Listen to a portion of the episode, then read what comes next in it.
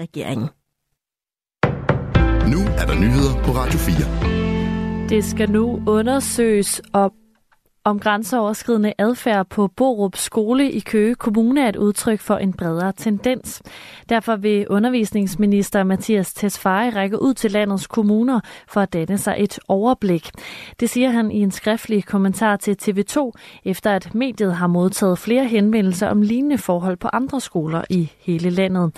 Præcis hvad de andre henvendelser drejer sig om, vides ikke. Det regionale medie SNDK og TV2 har berettet om, at flere elever i indskolingen på Borup Skole angiveligt har oplevet grænseoverskridende adfærd. Ifølge de to medier er der både tale om vold og i nogle tilfælde grove seksuelle krænkelser. Situationen på skolen har fået mere end 70 forældre til at skrive et brev til ledelsen på skolen og Køge Kommune, hvor de udtrykker bekymring og kritik af skolens ledelse. En af Initiativtagerne bag er Christina Nielsen, som er forældre til et barn på skolen. Hun fortæller, at det føles utrygt at sende sin datter afsted. Min far og jeg vi har snakket om, at man, øh, man bare ikke må øh, faldes alene, og hvis der er nogen, der tager fat i en, så må man løbe, og man må, må skrige, og man skal finde en voksen. Øh, vi har ikke sådan gået detaljer om, hvad der er, der er sket. Vi har bare sagt, at der er sket nogle voldsomme ting.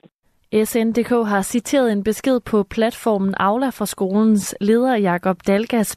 Her fremgår det, at der ifølge skolen er 3-6 børn involveret, som er i alderen 6-9 år. Flere personer end tidligere har søgt rådgivning eller hjælp hos foreningen Spiseforstyrrelser og Selvskade. Her blev der sidste år registreret 5.273 samtaler med personer, som enten kæmper med spiseforstyrrelser eller med deres pårørende. Det svarer til en stigning på 17 procent sammenlignet med 2022. Det fremgår af en pressemeddelelse fra foreningen. Unge skriver til os, når de har det rigtig skidt, og enten prøver at kæmpe imod trangen til at lave selvskade, eller lige har taget skade på sig selv og gerne vil have hjælp. Det er derfor ofte nogle tunge og meget vigtige samtaler, vi har på chatten og sms, siger direktør Leila Valter i Foreningen Spiseforstyrrelse og Selvskade. De høje tal viser ifølge foreningen, at der er brug for flere hænder til at tage imod henvendelserne.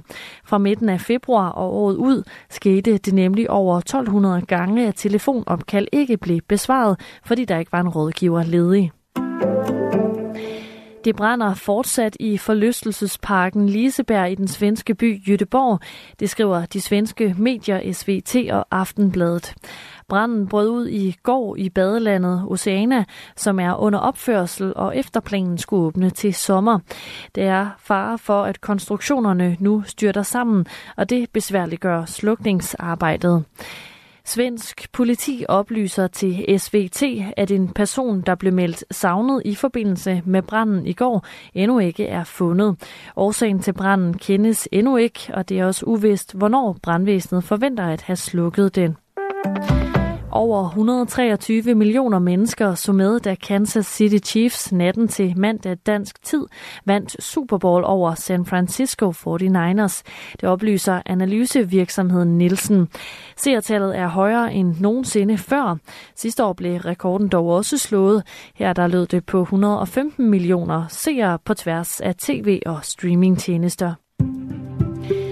Skyet vejr med enkelte byer. I løbet af eftermiddagen skulle det klare en smule op med lidt eller nogen sol. Temperatur mellem 3 og 7 graders varme.